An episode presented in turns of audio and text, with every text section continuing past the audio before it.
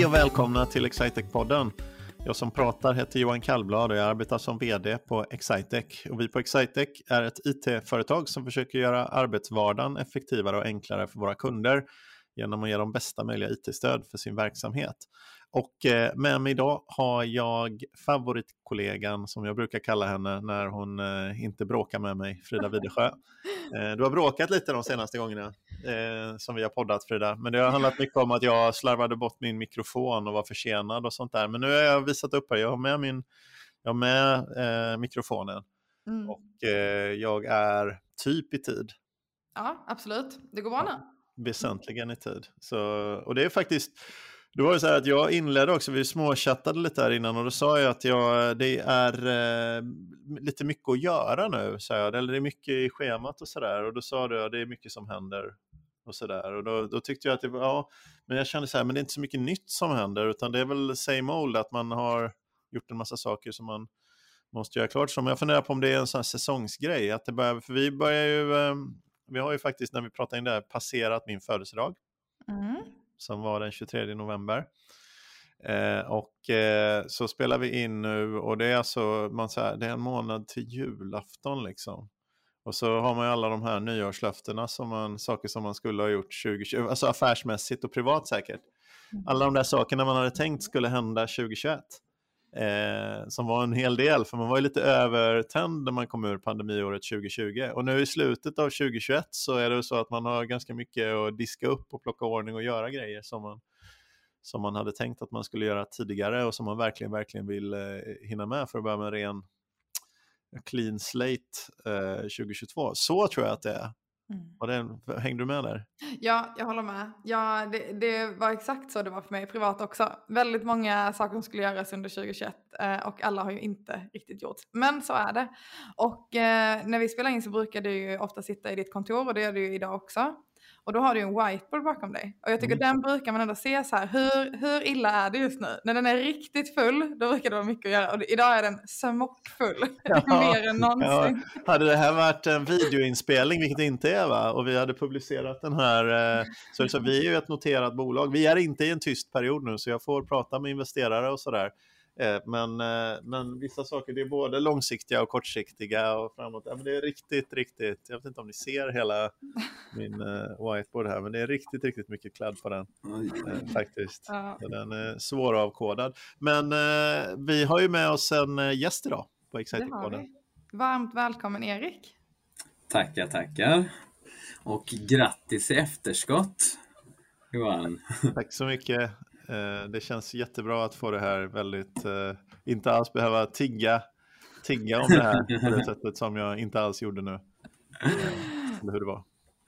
Hur känns det att vara med i podden Erik?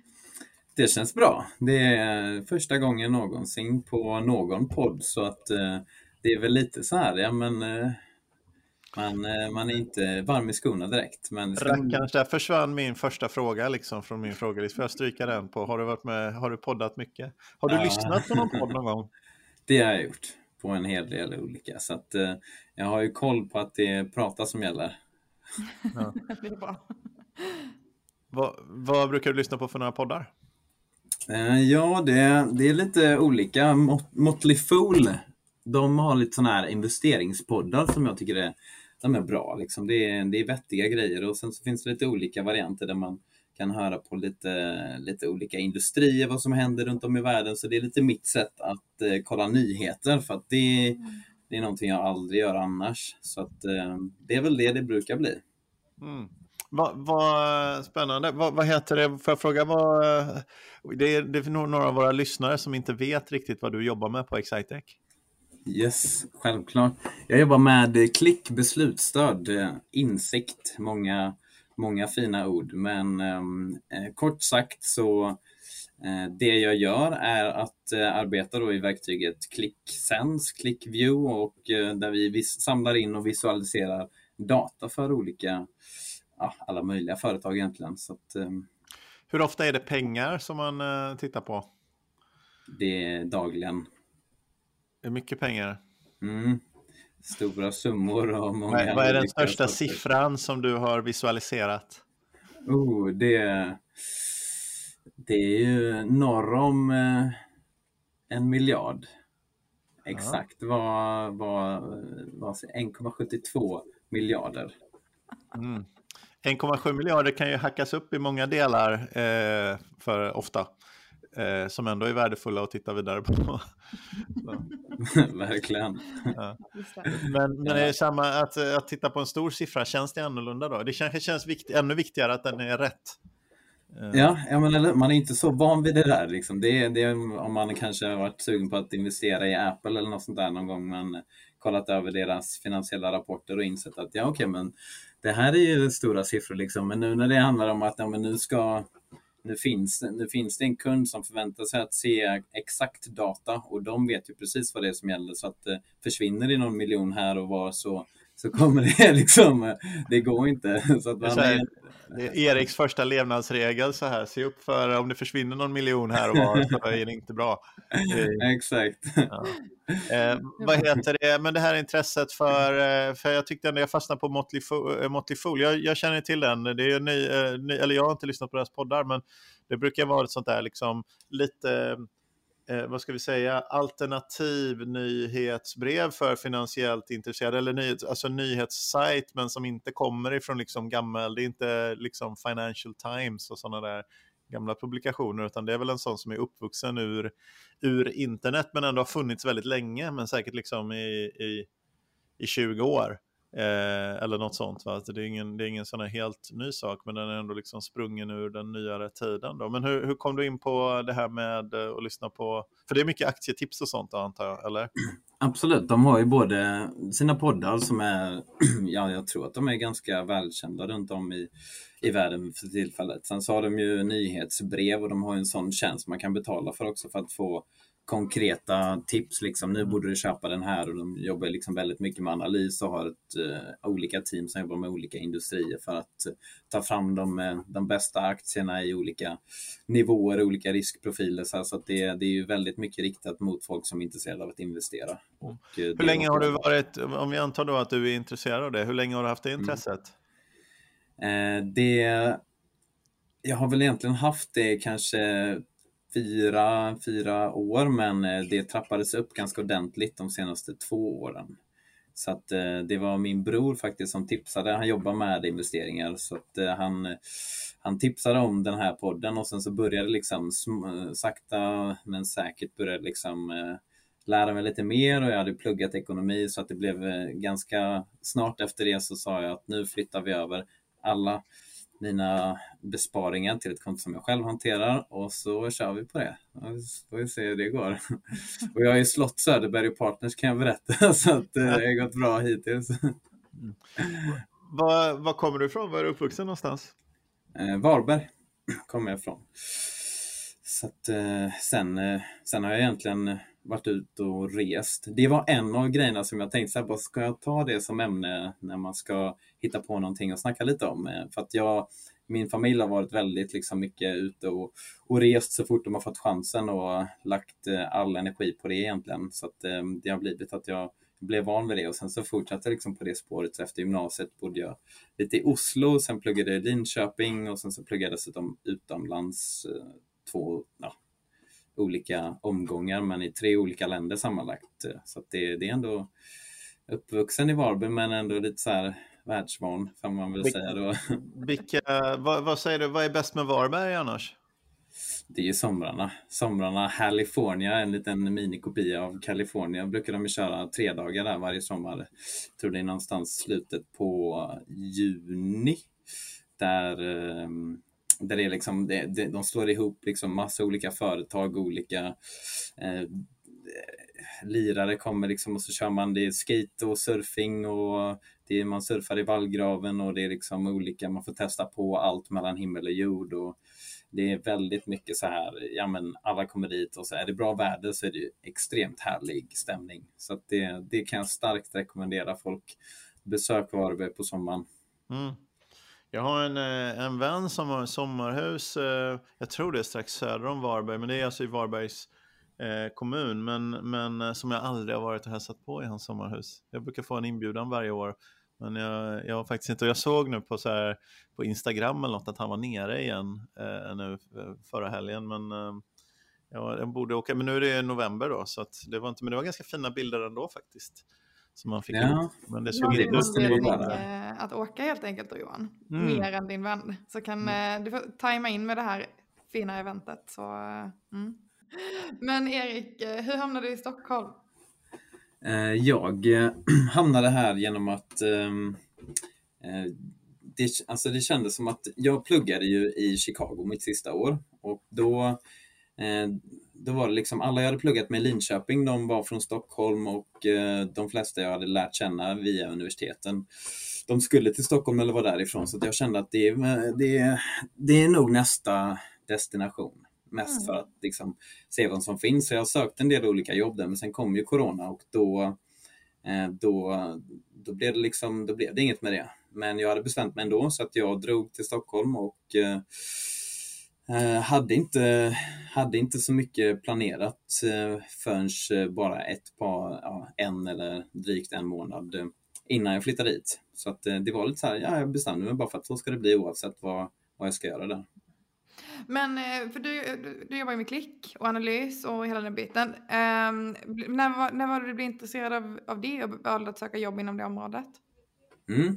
Ehm, ja, egentligen så har jag alltid haft ett eh, intresse av liksom, företagsutveckling. Mina föräldrar de eh, drev ett företag och det har liksom alltid varit det som, har, som jag har varit intresserad av att läsa mer. Så att därav pluggade jag ekonomi på, på universitetet. Och sen så att eh, och så kände jag att den här konsultrollen där man får balansera olika typer av uppdrag och inte bara sitta på ett uppdrag i flera års tid. Liksom. Och Mm. framförallt liksom de här enorma konsultfirmorna, liksom KPMG och Deloitte och de här. Där jag känner många som har jobbat där och det verkar vara väldigt mycket liksom att du sitter på ett projekt och sen så är det över en lång tid och, och det känner jag att det är inte riktigt det jag vill utan det är så här lite mer, lite snabbare puckar och eh, verksamhetsutveckling. Och sen så hade jag ju pluggat eh, en IT-master då i Chicago sista året så då hade ju intresset av IT väckts ordentligt. Så det blev liksom kombinationen där av att jag fick göra det här provet då, Betsys case, eh, där man då får sitta med klick och, eh, och testa på liksom och eh, snackade mycket med, eh, med dem som, eh, de som jag kände till som jobbade då på, jag sökte ju till Milnet till en början. Så att, då, då kände jag att ja, men det, här är ju, det här är den perfekta balansen av verksamhetsutveckling och den tekniska, det här med nyfunna intresset som jag hade fått. Så att, eh, på den vägen så, och sen så vet ju ni, men alla lyssnare kanske inte har koll på det, men sen köpte ju Excitec upp Milnet och, och då kom ju jag in genom att eh, jag blev kontaktad av av eh, någon som jobbar med HR på Excitec som då hade hört eh, med Björn, då, till vdn på Milnet och sagt då att ja, men Erik är en bra kille, liksom rekommenderat. Så att den vägen gick det och sen så hörde jag mer om Excitec och blev minst lika såld och eh, nu så har jag hamnat här.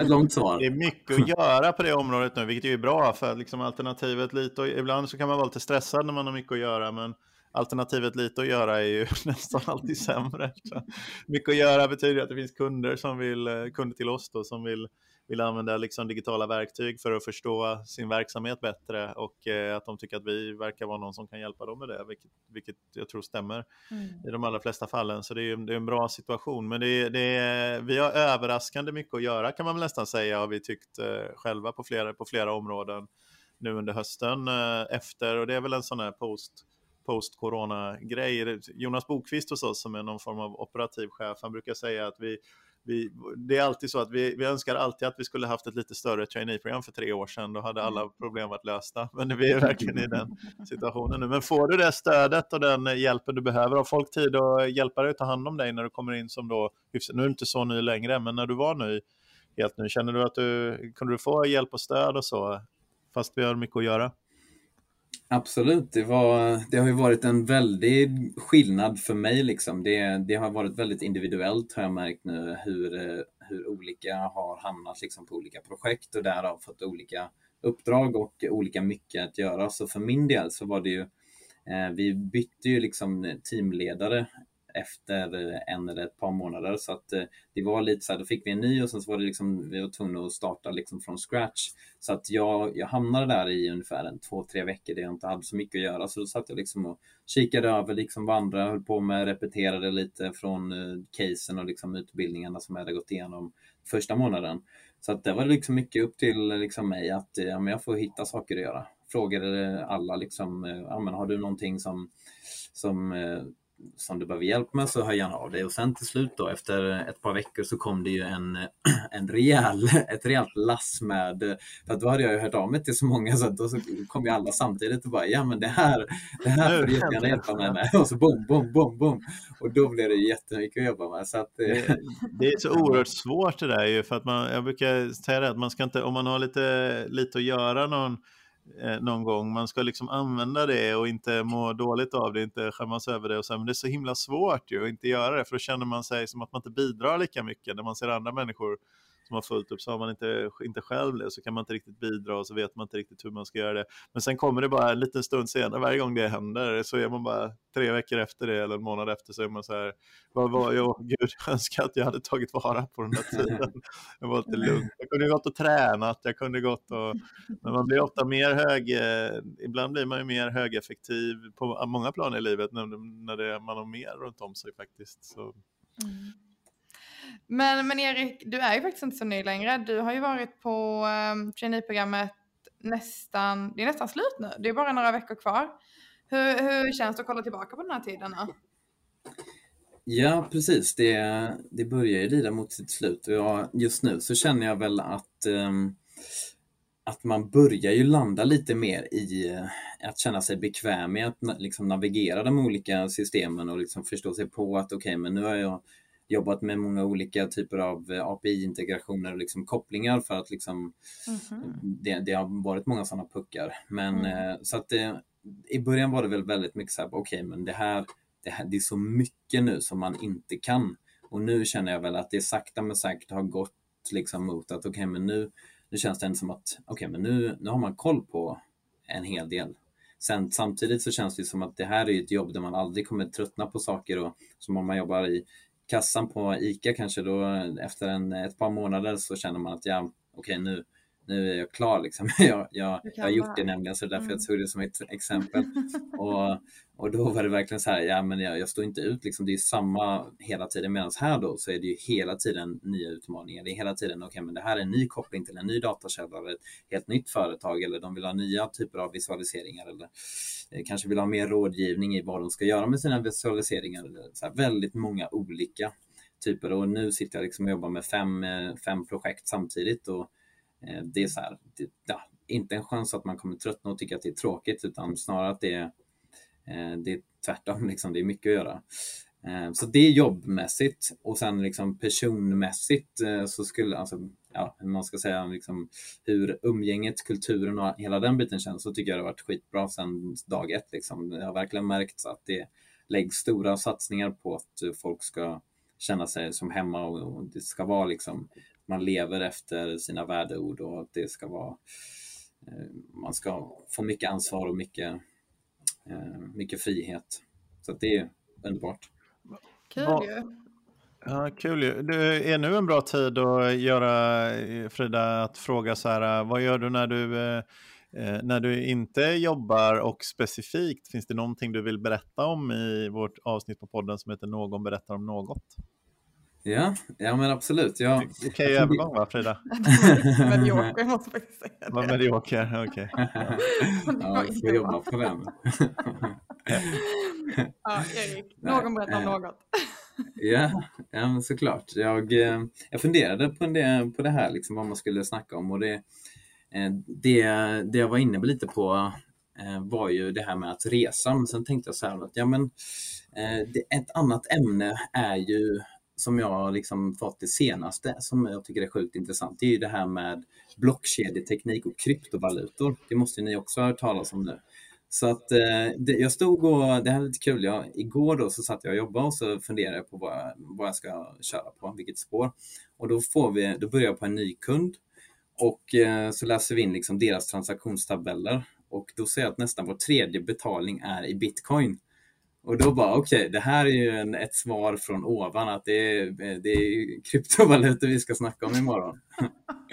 Så att, det, det är det jag jag hade hoppats att vi skulle prata lite grann om idrottslagen från Chicago annars, men jag vet inte om du, är, om du är intresserad av amerikansk proffsidrott?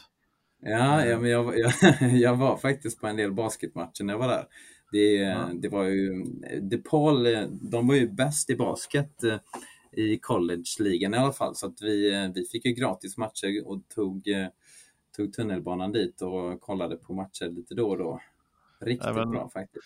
Eh, block, vi, vi, vi, vi, har ju haft, nu kommer jag inte ihåg, var det Erik Gidlund som pratade om han, han drog Han pratade om dataspel. Han pratade om dataspel, för då har vi haft en annan, nu minns inte jag. Ja, jag vet, vi har haft eh, en eh, blockkedja, men lite repetition på blockkedjor ja. eller kryptovalutor. Vi, kryptovalutaperspektivet var nog inte det primära. Men, Nej, för där tog vi så här, basen. Vad, ja. vad är det för någonting? Hur funkar det? Hur minar man? Ja. Vi gick inte in i detaljer där så att säga. Men ska vi, föreslå, ska vi föreslå att Erik får berätta lite grann om vad han vill? Ja, ta steg två med oss. Ja, ja men om, ni, om det har varit någon som kört liksom igenom the basics så tycker jag att vi, vi hoppar på det som jag tycker är mest spännande och det är ju det här liksom eh, med, med NFTs och den digi, alltså virtuella världar och mm. att folk liksom det som har blivit sån enorm marknad.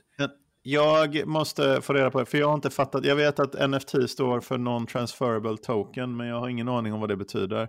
Så kan du dra lite NFT eh, och att det är någonstans att man använder på något sätt i konstsammanhang i, eller memorabilia och sånt där vet jag har jag stött på det mest. Men kan du eh, berätta ja. lite om det här, Erik? Är du snäll? Ja, ja men absolut. Det är non-fungible tokens är det till och med. Non-fungible, hade till och med Fun, fungible, vad betyder det då?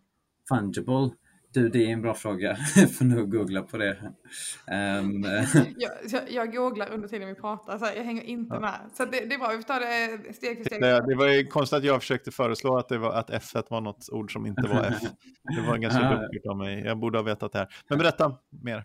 Ja, ja men eh, det som, är, eh, det som är så spännande med det där, det tycker jag är att eh, det, Många tänker liksom precis som du sa nu att ja, men det, det, det har med konst att göra, men konst är liksom det, det är en för, ett första steg i utvecklingen. För egentligen hade man allting som är digitalt hade du kunnat göra till, till eh, tokens. Så att om du har liksom det som händer mycket nu det är att folk bygger små communities där de tillsammans då vill, vill skapa någonting. Eh, till exempel, det finns ju olika protokoll som gör att man kanske, artister kan komma upp och lägga upp sina låtar på blockkedjan. Så istället för att man har en tredje, en mellanhand som Spotify eller Apple Music så kör man direkt då att eh, varje gång man lyssnar på en låt så så genereras det, så, så får man, liksom, artisten får betalt direkt då. Så att det, den enda interaktionen sker med blockkedjan. Och det finns ju liksom en webbläsare som, eh, som kör via blockkedjan på liknande sätt där man har då, där man ger väljaren, alltså slutanvändaren, ett val att vill du ta emot reklam eller inte.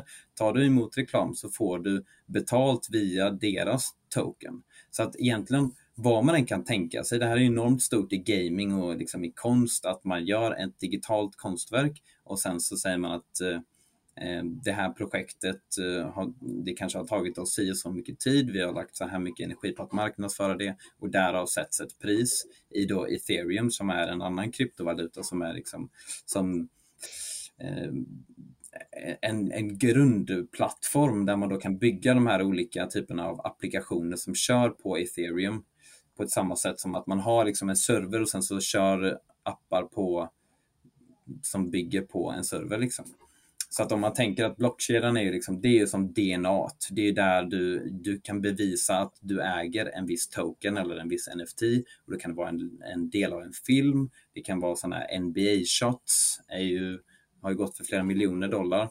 Det kan vara musik. Det kan vara liksom det, i framtiden kommer det säkert kunna vara att du kan bevisa att du din identitet, att du har eh, biljetter till evenemang, digitala eller analoga evenemang av olika slag, liksom, att du har det i din mobil och att du direkt via med din mobil interagerar med den här blockkedjan som är liksom DNA Eh, med tanke på att varje block bygger på varandra, vilket gör det svårt att hacka och, och lite sådär. Och där finns ju liksom de kändaste är ju liksom Bitcoin och ethereum och där är det väl så här, Bitcoin de har ett protokoll som inte har ändrats sedan dag ett, så de bygger mycket på att så här är det, så här kommer det alltid vara. Det kommer alltid finnas så här många bitcoins, vilket gör att det kommer inte bli någon, någon inflation som på samma sätt som när Biden slänger ut 3 triljarder dollar. Utan att det är liksom, det här är en fast summa och ju mer folk som, som eh, accepterar att bitcoin är en valuta som vi handlar med i den digitala världen, desto mer ökar värdet, precis som på samma sätt som, eh, som om ett land skulle växa liksom i befolkningen. Folk går in i ekonomin och interagerar och liksom utför transaktioner och liksom bygger vidare på det här. Så på det här sättet så är ju så det blir lätt, alltså det är så många olika områden. Det finns ju liksom någonting som heter DAOs också, Decentralized Autonomous Organizations, och då går man ihop i liksom en grupp människor som brinner för någonting. Och så istället för att man eh, blir börsnoterad och folk kan investera i en via börsen så kan man då direkt bli, eh, låta folk investera i en via en, eh, via en blockkedja. Det hörde jag om. Det var ju någon sån DAO som gick ihop och samlade in 40 miljoner dollar för att köpa en kopia av den amerikanska, en originalutgåva av den amerikanska konstitutionen. Det hände ju nu alldeles bara för några dagar sedan. Läste ni om det? Nej. Nej de samlade in 40 miljoner dollar på en vecka eller något sånt för att vara med i budgivning på Sotheby's typ om att köpa en. Det finns eh, typ 13 stycken original av dem. Man gjorde konstitutionen i 100 exemplar. Skrev man den från yes. början tror jag och de flesta av dem har man tappat bort. Men, eh, men det finns kvar sådär 13 stycken kända. Det kan ju finnas några som ligger uppe på någon vind någonstans i Pennsylvania eller någonting. Så de skulle köpa en av originalen, eh, en av originalerna då. Men det var en av nackdelarna med den här Doen att de var tvungna att visa exakt hur mycket pengar de hade. Så de bjöd ju då, för det var ju själva syftet, de skulle bjuda på den här auktionen då för de pengarna de hade samlat in. Och då var det en som bjöd en dollar över. Eh, vilket var väl för att han, han visste väl hur mycket pengar de hade. Sen kan man väl fråga sig, ja, jag vet inte, 400 eller 350 miljoner spänn för en kopia av något som det ändå finns 13 exemplar av känns ju Känns ju dyrt, men eh, det, beror, det är kul, kul, att ha kanske om man är, om man är ultrarik amerikan. Tänk, ja, det är ju jättekul att ha. Ja, säkert. Eh, säkert ja. skitkul liksom om man har pengarna. Ja, men han gjorde det i alla fall. Men det, så det var en tillämpning av en sån uh, DAO då, som jag inte ja. grep mig på heller. Det var någon som pratade om att, om att det är mycket transaktionskostnader fortfarande på Ethereum till exempel. Så finns det något som heter Solana eller något som jag också har hört talas om, så jag inte heller vet vad det är, som ska vara billigare, något protokoll som är, mindre, som är lite mer effektivt då, om jag förstår det hela rätt. Men eh, mm, jag har ingen, ja. ingen aning. Jo men precis, det är många som snackar om att Solana ska bli liksom det nya nätverket men eh, ethereum har ju det, det, är ofta att man snackar om antingen så validerar man sin blockkedja som man baserar hela protokollet på via proof of work eller proof of stake. Och eh, det är ju det ethereum kommer göra nu i, jag tror de har sagt att någon gång i januari, februari så kommer de göra en switch från proof of work där man då hela tiden måste ladda alla transaktioner från tidernas begynnelse hela vägen för att kunna validera att just den här sista transaktionen, det är ingen hacker utan den är, det stämmer, den är överens och för att kunna bygga vidare och generera nya bitcoins. Och, eh, så det är så det fungerar, att du liksom hela tiden kör igenom. Och det är, alltså, vi som känner till klick, vi vet ju att när man laddar en, en app och det är liksom miljarder rader data, då tar det ju det mycket energi, mycket tid och, liksom så här, och det är någon som måste betala för det. Så därför är det, det, kostar det mycket i gas fees då som, eh, som, man, som det heter att uh, göra olika transaktioner på ethereum. Men de kommer alltså gå över till proof of stake där, man, där det finns andra valideringssätt och då kommer de minska med 96 procent deras energiåtgång. Men det är också så en stor skillnad mellan bitcoin som har sagt att ja, men vi är fast, vi, så här är det, så här kommer det alltid vara och ethereum som då hela tiden byggs vidare på och förändras och liksom ja men nu gör de ju den här enorma ändringen och sen så gör de hela tiden små ändringar så det är mer som en, som en mjukvara som man hela tiden liksom bygger vidare på och förändras vilket är anledningen till att många tror att det kommer vara den stora den stora vinnaren i slutet. Men, Det är eh, ja. väldigt fascinerande. Det känns som att det här ämnet är hur stort som helst. Ja, det är helt... bara. Men Erik, hur många träffar du som... eh, Jag, jag upplever att du är väldigt insatt. Det är min generella bild efter det här samtalet som jag har varit väldigt passiv i. Men eh, hur, hur många... Ja, hur träffar du ofta människor som är lika insatta som du? Eh, absolut inte. det gör jag inte. Eh, och, alltså, anledningen till att jag blev intresserad det var för att förra året så jobbade jag på ett eh, litet företag där vi hade en konsult som satt i Brasilien. Och det tog oss två månader och kostade oss över tusen kronor att bara ge henne en lön. Och då är det så här, det där är ju, om vi har det problemet så är det säkert andra det problemet. Det är ändå intressant med sådana här världar som byggs upp från, eh, från början och så. De har fått- faktiskt fått förmånen att vara med om några gånger för min del, till exempel liksom internet som inte fanns. I min, jag, vi inledde ju den här podden med att jag försökte prata om min födelsedag eh, och så kan jag avrunda den med att jag återigen försöker anknyta till vilken efterfrågan det är. Nej men alltså världar som byggs upp som internetvärlden och e-handel och sånt fanns ju inte som koncept alls för mig när jag när jag växte upp, det, det liksom kom ju så utvecklas det och så ibland blir det som man tror och ibland blir det inte det. Man hade nog kanske inte gissat Liksom, det är fortfarande så att sök är, är liksom den största tjänsten. Alltså Google är liksom det mest framgångsrika företaget på internet, och, kan man väl säga. Mm. Följt av några andra. Så här, men men eh, det var, man vet ju inte riktigt vilka... Och så blir det helt nya saker. Så blir Facebook ett av de största och det hade man kanske inte ens föreställt sig. För motsvarigheten till Facebook i analogt fanns ju inte riktigt. Och så hade, på sök hade man väl kunnat tro att Wikipedia skulle vara lika stort som Google, för Google är ju bara för att bläddra. Liksom, Google är ju indexsidan, men eh, Wikipedia är ju encyklopedian.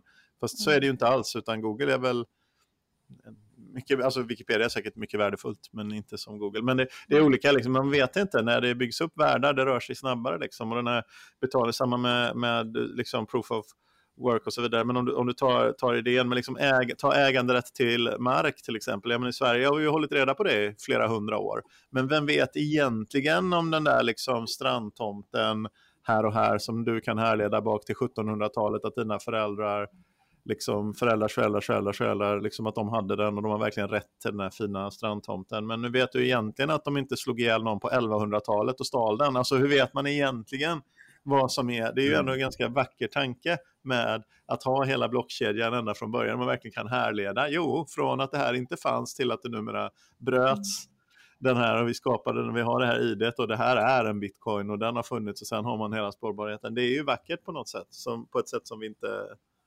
som vi inte vet liksom, i, i, med andra saker annan äganderätt. Så att det är en fin tanke, men vi, vi får ju se vart det tar vägen, men det kommer väl hända mycket, men din, din hypotes är att det kommer betyda mycket.